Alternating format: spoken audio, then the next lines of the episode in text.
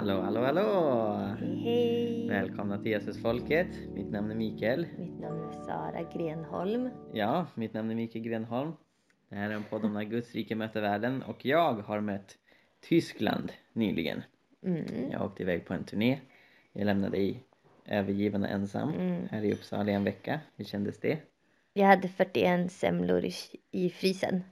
Låt mig bara säga det. Hur många är kvar nu? Jag vet inte. Jag har inte räknat. Något mindre än 41. Mm. Ja, nej men så det var väldigt spännande och eh, fick vara på ett möte så arrangerat av eh, tyska UD som ville höra om hur pingstkarismatiska kyrkor kan främja fred och rättvisa. Mycket spännande. Eh, men jag var även på en eh, konferens om mirakler och vetenskap som vår vän Lars Gunther, IT-pastorn, hade arrangerat i Hästra missionsförsamling. Hade du hört talas om Hästra innan vi hörde talas om Lars, Sara? Eh, nej, inte Hästra. Alltså, inte bara Hästra. Jag har varit i Angeshästra i Var det det? Utanför Jönköping. Okej. För Hästra är ju också utanför Jönköping. Ja, jag vet inte ens om de är nära varandra. Ja. Ingen aning. Så, men eh, För det var så här, det var ett litet ställe men det var ändå så här ganska populärt resmål. De har en jättestor backe. Så det kallades för eh, danskarnas Alperna. Det var fullt av danskar där som eh, åkte skidor. ja. Ja, så det var häftigt. Men i vilket fall, eh, vi pratade om mirakler och vetenskap.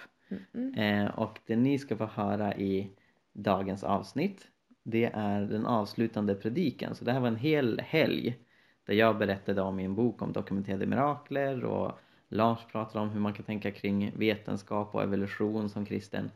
Och sen så rundar vi av det med en dialogpredikan. Och folk var ju så imponerade efteråt. Bara, wow, det här hade ni övat in bra. Ni var så synkade. Ja, vi, vi hade typ så tre stödord på en lapp. Eh, men alltså det, det gick väldigt bra. Han är en väldigt härlig person Lars. Eh, och vi hade väldigt lätt att, att prata. Så bland annat så tog vi upp eh, fyrkantiga cirklar. Tror du att Gud kan skapa fyrkantiga cirklar Sara? ja. Ja, typiskt! Eh, I i eh, dialogpredikan så kommer ni höra varför jag inte tror att fyrkantiga cirklar kan finnas. Så lyssna på det Du är så trångsynt. och sen, sen, får ni, sen får ni rösta i kommentarsfältet om det är jag eller Sara som har rätt. Ja, men med det sagt så kommer här dialogpredikan mellan mig och Gunter Gunter. Håll till godo.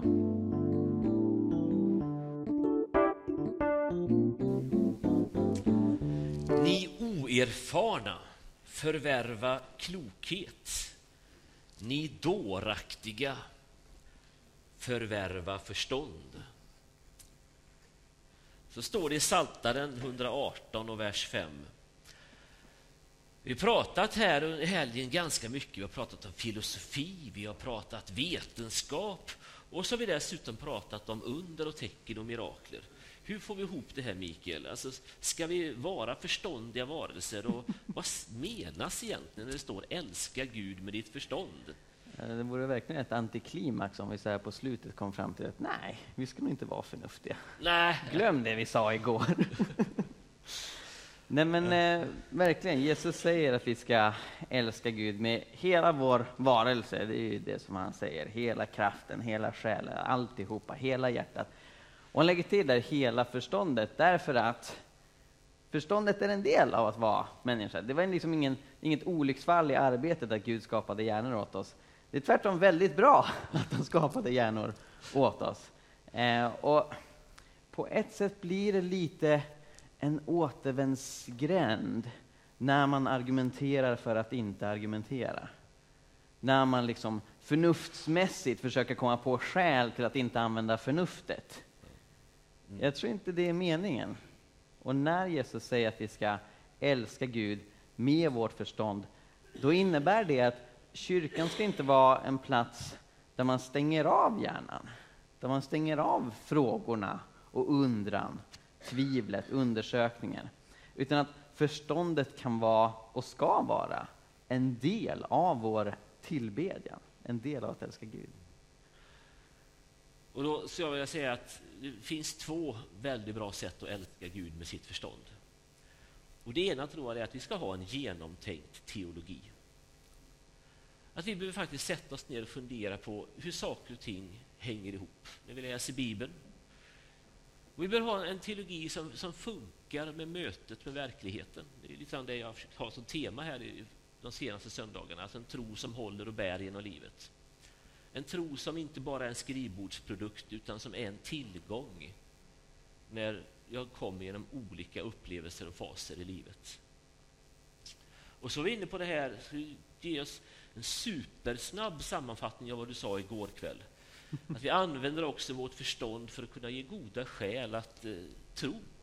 Ja, men precis. Alltså, jag inspireras av vad Paulus säger när han står inför kung Agrippa i Apostlagärningarna 26. Han berättar om hur han blev frälst. Och det var ju en mirakulös erfarenhet. Han hatar ju kristna, han vill ju döda allihopa. Men så plötsligt så visar sig Jesus för honom mirakulöst. Han förlorar synen, sen kommer en kristen och ber för honom, han återfår synen igen. Och han berättar allt det här för kung Agrippa. Han argumenterar för att nu är det er tur att ta emot Jesus. Jag vill bjuda in er in i Guds rike. Och då så får han följande väldigt intressanta kommentar. Du är från vettet, Paulus. Din stora vishet gör dig galen. Smaka på den. Din stora vishet gör dig galen. Och då... Jag skulle säga att jag, jag skriver ju enormt långa blogginlägg, som några av er vet. Stort tack till alla som orkar läsa till slutet, höll jag på att säga. Varsågod. Ibland så har man liksom forskat och satt sig in i någonting riktigt ordentligt och så kommer en kommentar. Du vet för mycket, därför har du fel. Ja, det, det är lite den kommentaren Paulus fick också. Och hans svar är följande, Apostlagärningarna 26, vers 25. Det jag har sagt är sant och förnuftigt. Och då har han berättat om ett mirakel. Han har berättat om hur Jesus Kristus, Guds egen son, uppenbarade sig för honom. Han, han har berättat om hur han har fått synen tillbaka efter att ha förlorat den. Han har berättat om ganska mirakulösa, fantastiska saker, men det är sant. Han upplevde det verkligen. Och det är förnuftigt. För att om Gud finns så kan han ju göra sådana saker. Så ibland får man ju höra att kristendomen är oförnuftig. Inte bara från kristendomens kritiker, utan ibland så säger vi det själva. Och då, då så citerar vi ett annat ord från Paulus ofta, nämligen att korset är en dårskap.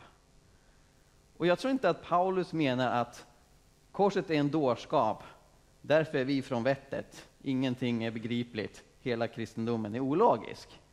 Vad skulle du säga att han säger med korset är ja, dårskap? Jag definitivt säga, alltså, när man får den här sortens kommentarer, vilket man får ibland, så är det taget i ett speciellt sammanhang. Paulus skriver till församlingen i Korint. Mm.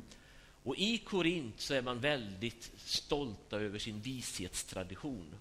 Alltså man, man, har tagit den här grekiska visheten och så har man lyft upp den på en plattform. Och sen när man blivit kristna så har man liksom gjort någon form av syntes mellan det här. Och så berömmer man sig av att vi är klokare än andra, vi är visare än andra. Och i det sammanhanget som Paulus säger kunskapen blåser upp eller men kärleken bygger upp. Att den som har kunskap förhäver sig. Men det innebär inte att han säger att vi inte ska ha kunskap överhuvudtaget. Utan det handlar om den här sorten, sortens kunskap som, som så blåser upp egot och ser ner på andra. Alltså när människor börjar känna att jag är för mer, jag är lite klokare än du. Då kommer Paulus och säger korset är en dårskap.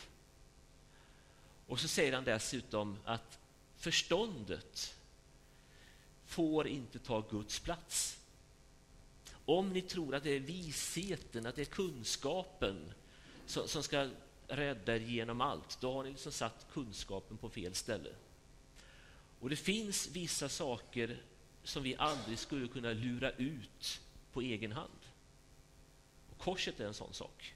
Vi skulle aldrig kunna komma på idén om att Gud som skapar universum gör sig maktlös, blir uppspikad på ett kors och dör för vår skull. Alltså, för, för när vi tänker oss i, i, vårt fallna tillstånd som syndiga människor hur en gud ska vara, så tar vi makthavare på jorden och så förstorar vi upp dem. Och tänker en gud är någon som är liksom, som de mäktigaste och klokaste människorna, fast ännu mer. Och den här bara uppförstorade så bilden av någon som är mäktig på jorden har ett problem och det är att makt på jorden är sällan kärleksfull. Makt på jorden är sällan betjänande. Men när Jesus visar hur den Gud är, så är det en Gud som betjänar oss. Då tar han av sig så att han kan krypa ner på knä till sina lärjungar och tvätta deras fötter. Den lägste tjänarens eller slavens uppgift. Och säger ju likadant. Sådan är Gud. Och Den där tanken hade vi nog inte riktigt kommit på på egen hand.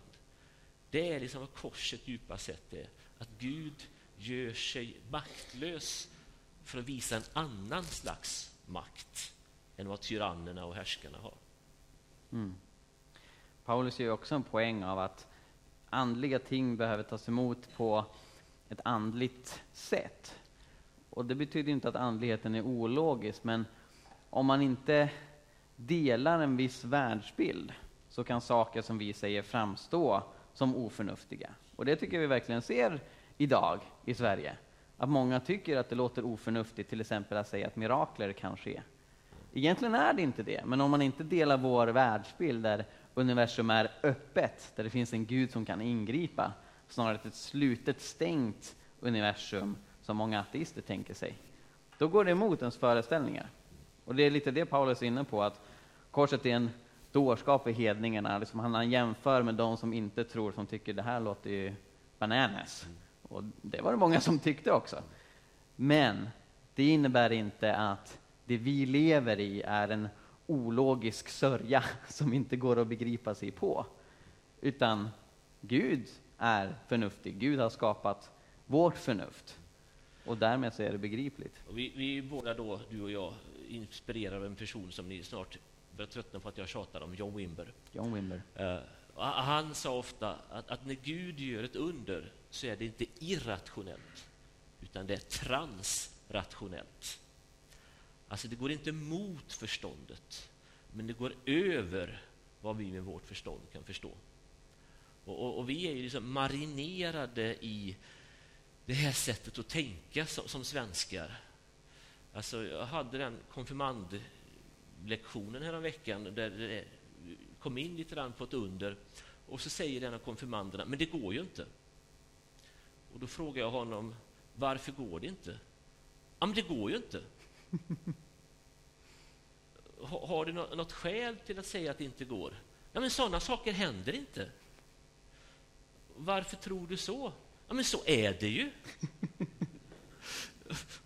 och, sen någonstans där så kände jag att nu kommer vi nog inte längre i argumenten. Men alltså, jag skulle säga det från första början. ja. Eh, men alltså, när vi pratar om vår världsbild så är den inte så att vi, vi utbildas i den. Vi sitter inte på skolbänken och får lära oss att vi ska tänka ett under omöjliga, utan det, det, är liksom syret vi andas, luften vi andas. Vi, vi är säga, så vana vid att en del saker är omöjliga så att vi tror att, att det är det som förståndet måste säga. Jag tog det här exemplet igår kväll när John Wimber och David Watson bad för en, en polioskadad kvinna som hade en och en halv decimeter kortare ben av polioskadan och det växer ut inför deras ögon. Och de som ber för henne, de är så marinerade i den här världsbilden så de säger jag tror inte att det är sant, jag tror inte att det är sant, jag tror inte att det är sant. Under tiden som benet växer framför deras ögon. Exakt. Ja. Och här tror jag det är bra att göra en skillnad på två saker. Ett mirakel går ofta över förnuftet, över vårt sätt att liksom fånga verkligheten och, och begripa den, när det gäller hur går det till. Det, det, det är svårt liksom, att föreställa sig i huvudet hur det går till när Gud som immateriell varelse, han är utanför tid och rum, han är inte en fysisk, ett fysiskt objekt. Va? Så Gud är immateriell och så kommer han in och gör att ett ben växer ut.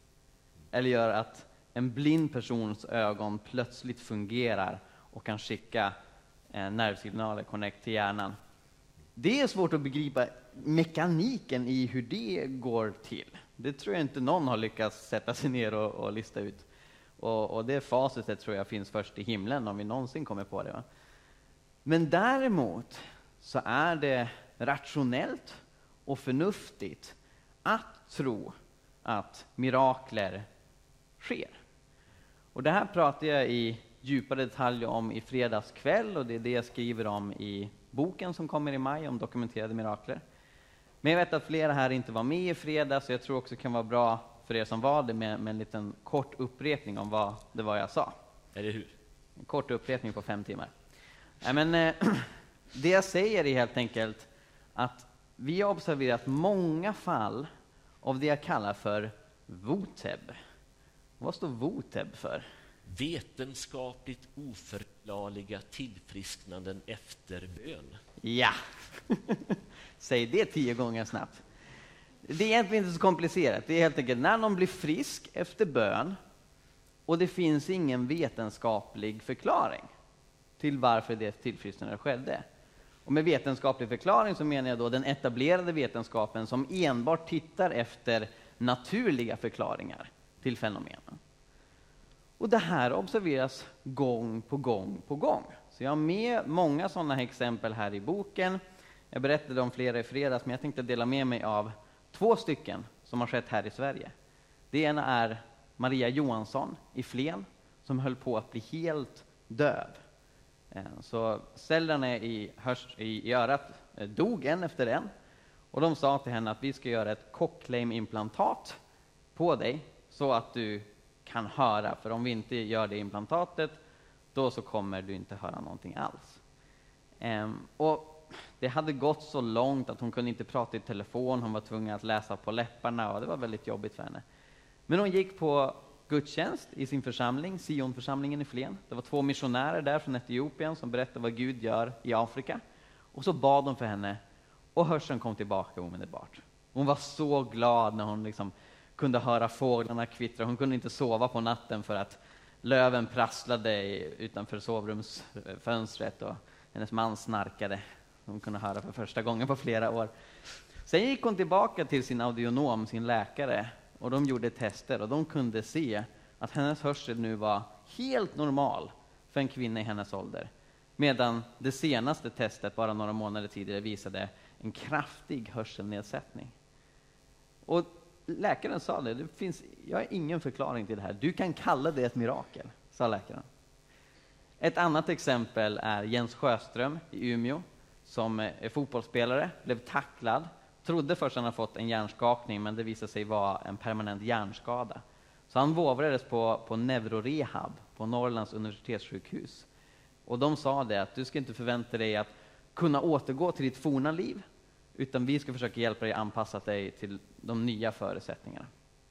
Han älskade fotboll, han kunde förstås inte spela fotboll mer. Eh, han var tvungen att sova 12 till 14 timmar per natt. Han kunde inte lyssna på musik, inte se på TV, inte äta på restaurang. Och han var väldigt deprimerad och väldigt besviken på Gud, att det här hade hänt. Men han lyckades komma överens med läkaren om att han åtminstone kunde träna damlaget i Umeå. Så han sitter bredvid fotbollsplanen med solglasögon och hörselproppar för att begränsa intrycken. Så han gjorde det, och när han åkte på sin första match då tillsammans med damlaget så smsade en kompis från kyrkan honom och sa idag är din dag Jens, kom till kyrkan så blir du helad. Nej, jag kan inte, jag ska på match, smsade han tillbaka. Han var inte särskilt sugen på att gå till kyrkan, för han var besviken på Gud. Men hon svarade hurtigt, okej, okay, det är inte kyrkan som helar, utan det är Gud som helar, så vi ber för dig ändå. Och halv fyra på eftermiddagen, mitt under andra halvlek, så är det som att lock, lyssnar, lock lyfter från hans huvud, ögon, öron. Allt blir normalt. Och det var första gången han kände sig så på tio månader. Eh, och först tänkte han att det var en adrenalinkick från fotbollen, för att han älskade att titta på fotboll. Men dagen efter så kunde han göra hur mycket som helst, göra massa aktiviteter, inga problem. Så han var helt helad. Han träffade sen Lydia och frågade när var det ni bad för mig? Halv fyra på eftermiddagen, precis när han blev frisk. Så han går tillbaka till neurorehab, han säger nu kan jag jobba normalt, jag kan spela fotboll igen, jag är frisk, jag vill att ni friskförklarar mig. det kan vi inte, sa de. Det går inte att bli friskförklarad. Ja, men jag är ju frisk och han demonstrerade liksom hur bra han mådde.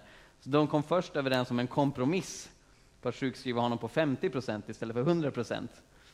Men därefter, efter några månader, så insåg de hur löjligt det var, så friskförklarade de honom helt. Det är två av väldigt många exempel på Voteb. Det gjordes en undersökning i USA när man tillfrågade 1100 läkare om de har sett vetenskapligt oförklarliga tillfrisknanden. Och 55 procent svarade ja. Och det här var ett slumpmässigt utvald läkare som på ett ganska korrekt sätt representerar läkarkåren i USA. Så utifrån det kan vi gissa oss till att det borde finnas en halv miljon läkare i USA som har sett oförklarliga tillfrisknanden. USA är ett väldigt religiöst land. Även om inte alla patienter själva är troende så är det mycket möjligt att tänka sig att de har släktingar eller familj som ber i många fall. Så väldigt många av de här är votev. Då snackar vi hundratusentals, va? bara i USA. Så det här är någonting som finns på riktigt. Och då är frågan, hur vet man att ett voteb är mirakler? Och då resonerar jag så här, att ateisten måste säga att alla dessa voteb är naturliga fenomen som vi inte har upptäckt än. Så att Maria blev frisk från hennes dövhet, ja, det berodde på någonting, och vi kan inte säga vad det är, men det var inte Gud, det var inte övernaturligt, det var någon naturlig process som gjorde det. Samma sak med Jens, ja, det var något naturligt som gjorde någonting och så blev han frisk. Och det måste ateisten säga om och om och om och om igen. Och det är teoretiskt möjligt.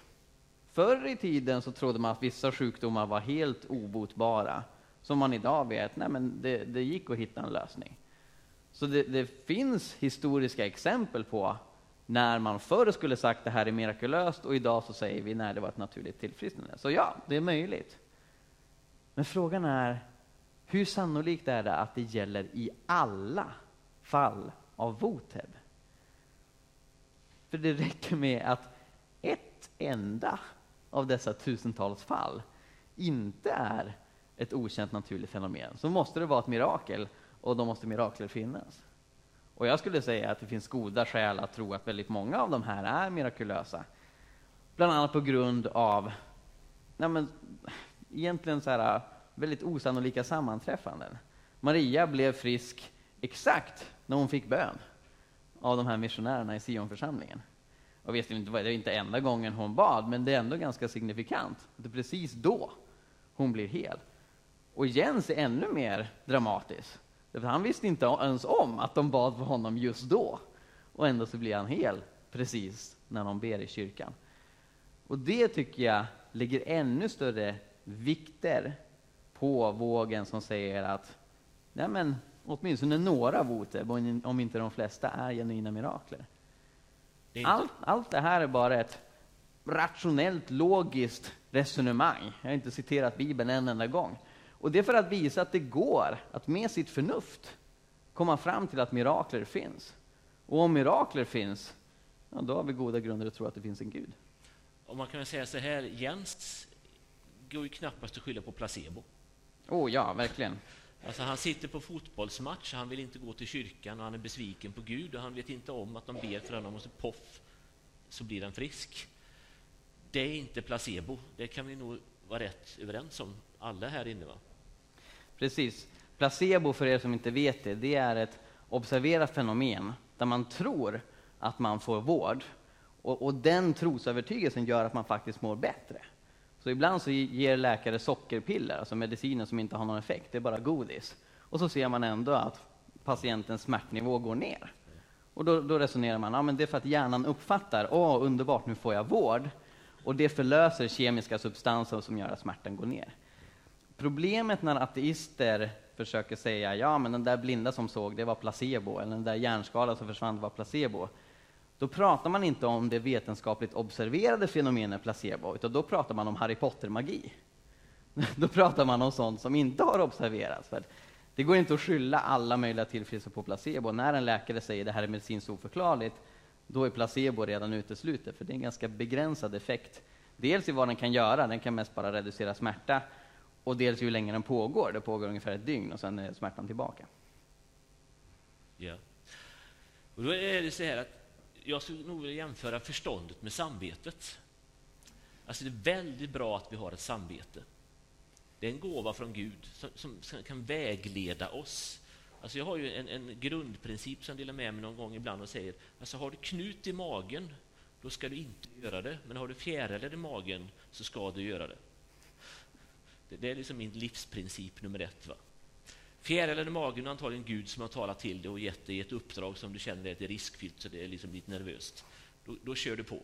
Knut i magen, det är en varningssignal. Eller ett styng i bröstet. Så samvetet är en väldigt god gåva. Och det är viktigt att vi vårdar våra samveten. Men samvetet, om jag läser min bibel rätt, är inte ofelbart. Paulus säger på ett ställe om samvetet att mitt samvete frikänner mig, men det innebär inte att jag helt säkert är frikänd. Det är Gud som dömer ytterst sett. Alltså det finns människor som till synes kan göra hemska handlingar utan att det bränner till i samvetet. Paulus talar till och med om människor som har bortbränt samvete. Det har slutat att fungera, för det har gått emot det så många gånger att till slut har samvetet gett upp och för, princip försvunnit som en varnande instans. Och så talar han på ett annat ställe om de som har ett överkänsligt samvete som låter bli att göra saker trots att de egentligen inte behövde göra det. Så samvetet är jätteviktigt och det ska vårdas, men det är inte ofelbart. Och då ska jag säga att det är precis likadant med förståndet. Mm, verkligen. Förståndet är en god gåva från Gud, men våra förstånd är inte ofelbara. Om vi under lång, lång tid, ända sedan vi föddes, har liksom lärt oss tänka på ett specifikt sätt, så kan det verka förståndigt, trots att det egentligen inte är det. Om jag skulle ta ett exempel från vetenskapen. För fram till hur vetenskapen såg ut i mitten av 1800-talet, Newton och tyngdlagen och annat, så kan ju vetenskapen för oss som är vana att tänka i de banorna synas förståndig. Men nästan varenda stor vetenskaplig upptäckt är vid en första anblick oförståndig. Den går emot sunt förnuft. Nu ska vi ta ett, ett exempel. Det finns någonting inom man pratar om riktigt små partiklar, något man kallar för, för parkopplade partiklar eller tvillingpartiklar. Så i ett visst läge kan man spinna loss två partiklar som får man kallar för spinn. Och, och, man kan tänka sig att spinn är ungefär som att det snurrar. Det var vetenskapens namn på det, men det är inte så att de snurrar runt en axel, utan men vi kallar det för spinn och vi vi, vi visar det på det här sättet. Så om jag nu har blivit en partikel som snurrar så och Mikael är en annan partikel som snurrar åt samma håll. Och så byter jag håll. Då kommer han att byta håll också. Vi är tvillingkopplade som partiklar. Men enligt vetenskapen så är det inte så att den ena partikeln skickar en signal till den andra partikeln. Det finns inga signaler som kan färdas snabbare än ljusets hastighet. Men det här är vad vetenskapen tror. Det här är omöjligt att bevisa med liksom ett experiment. Men om vi är en parpartikel och jag snurrar åt det hållet och Mikael snurrar åt det hållet. Så. Och så skickar jag honom till Andromedagalaxen Och jag är kvar i Vintergatan. Det, det är liksom några miljoner ljusår oss emellan. Och så byter jag håll och snurrar åt andra hållet. Då kommer den partikeln i samma ögonblick börja snurra åt det hållet som jag har bytt till. Och inte genom att de skickar en signal, för som sagt, det skulle ta några miljoner år för den signalen att färdas från den ena partikeln till den andra. Det är ni. Det här är vad nästan alla fysiker som är yrkesverksamma idag tror att man kan göra med tvillingpartiklar. Faktum är att man håller på och försöker utveckla sätt att på det här sättet teleportera information. Så om du har en raket eller en satellit långt, långt borta från jorden, så om man kan använda sig av det där så är tanken att du kan teleportera information ögonblickligen oavsett hur långt bort det är. Ja. Alltså det här är ju inte logiskt. Det här, det här måste ju kännas för den som först tänkte tanken, ingen kommer tro mig. För det går emot ett slags sunt förnuft, som vi i dagligt tal tänker det. Och jag menar, kan du tro på tvillingpartiklar, då är det inte särskilt svårt att tro på mirakler. Det ena är en teori inom den etablerade vetenskapen. Det andra är någonting som inte hör till vetenskapen som domän till 100 procent eftersom det handlar om det mirakulösa som vetenskapen per definition inte kan mäta och väga. Men vill jag vara en förståndig varelse så har jag nog skäl att tro i båda fallen. Faktum är att vi har betydligt fler exempel på Wotebs än vi har på lyckade experiment med tvillingpartiklar. Det är fortfarande ganska mycket en skrivbordsprodukt det har kunnat säga, ses på små korta avstånd. Men, men liksom hålla en partikel i en låda liksom, och mäta av den och så där, och att den inte ska liksom försvinna och gå över och bli en annan partikel, och så, det är ganska svårt. Men eh, nog är det fascinerande, ska jag säga, i båda fallen. Så vi har anledning att tro på mirakler och vi har mm. anledning att älska Gud med vårt förstånd. Och vi har anledning att tro att Gud ibland visar oss saker som kanske inte är så lättförstådda. Jag har tagit någon gång exempel med Filippos, den etiopiska hovmannen. Filippos är pastor i världens största församling. Alla är nyfrälsta. Alla behöver jättemycket undervisning och omsorg. Och så kommer Gud och säger till honom du vet den här vägen där borta där solen gassar som allra hetast och det inte en kotte är just nu som ligger öde. Gå ut och ställ dig på den vägen. Alltså det är ungefär som att före gudstjänsten då skulle Gud komma till mig och Mikael och säga det finns visserligen en, en kyrka full med folk som väntar på er men ni kan ställa er någonstans på en gångstig upp till Espos. Ja, det finns ju faktiskt folk i Espos, det var ett dåligt exempel med lite grann. Ni hade blivit lite snopna om inte vi dök upp. Hur snopna tror ni församlingen blev i Samarien när liksom pastorn är borta? Men han fick leda den etiopiska hovmannen till tro. Och det är mycket möjligt att det blir startskottet på en församling i Etiopien som finns kvar än idag. Och det hade ju aldrig Filippos kunnat tänka ut med sitt förstånd att den här etiopiska hovmannen skulle dyka upp i det ögonblicket. Så Gud kan naturligtvis visa oss saker och tala till oss på sätt som vi inte kan räkna ut eller grunna ut. Men det innebär som sagt att Gud går över vårt förstånd. Gud är transrationell och inte irrationell med John Wimbers ord. Mikael, du får sista ordet. Gud kan göra under och samtidigt så tror jag att vi hamnar fel om vi tänker att Gud gör logiskt omöjliga saker. En vanlig invändning mot Guds allmakt är, kan Gud göra en sten som är så tung att han inte orkar lyfta den?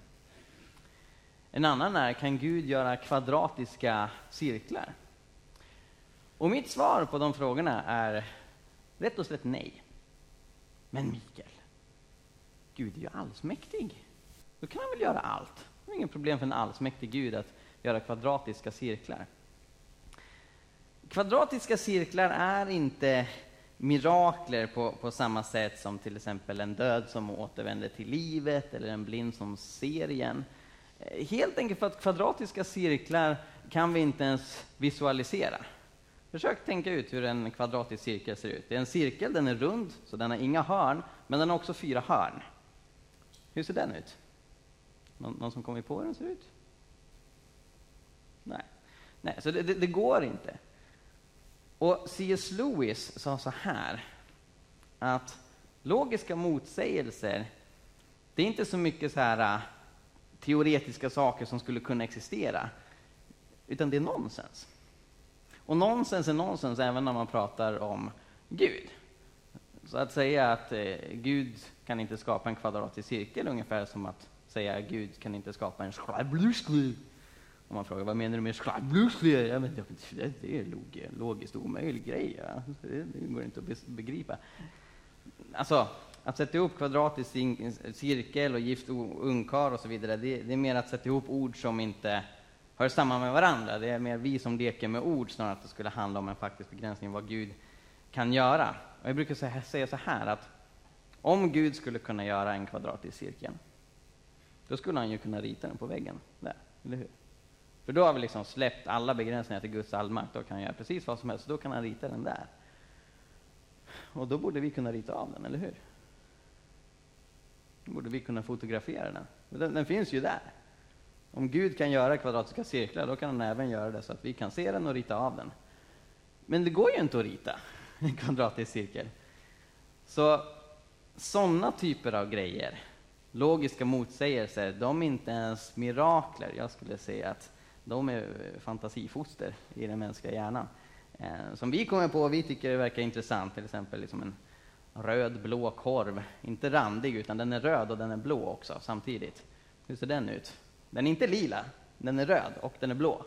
Hur ser den ut? Det går inte att tänka sig.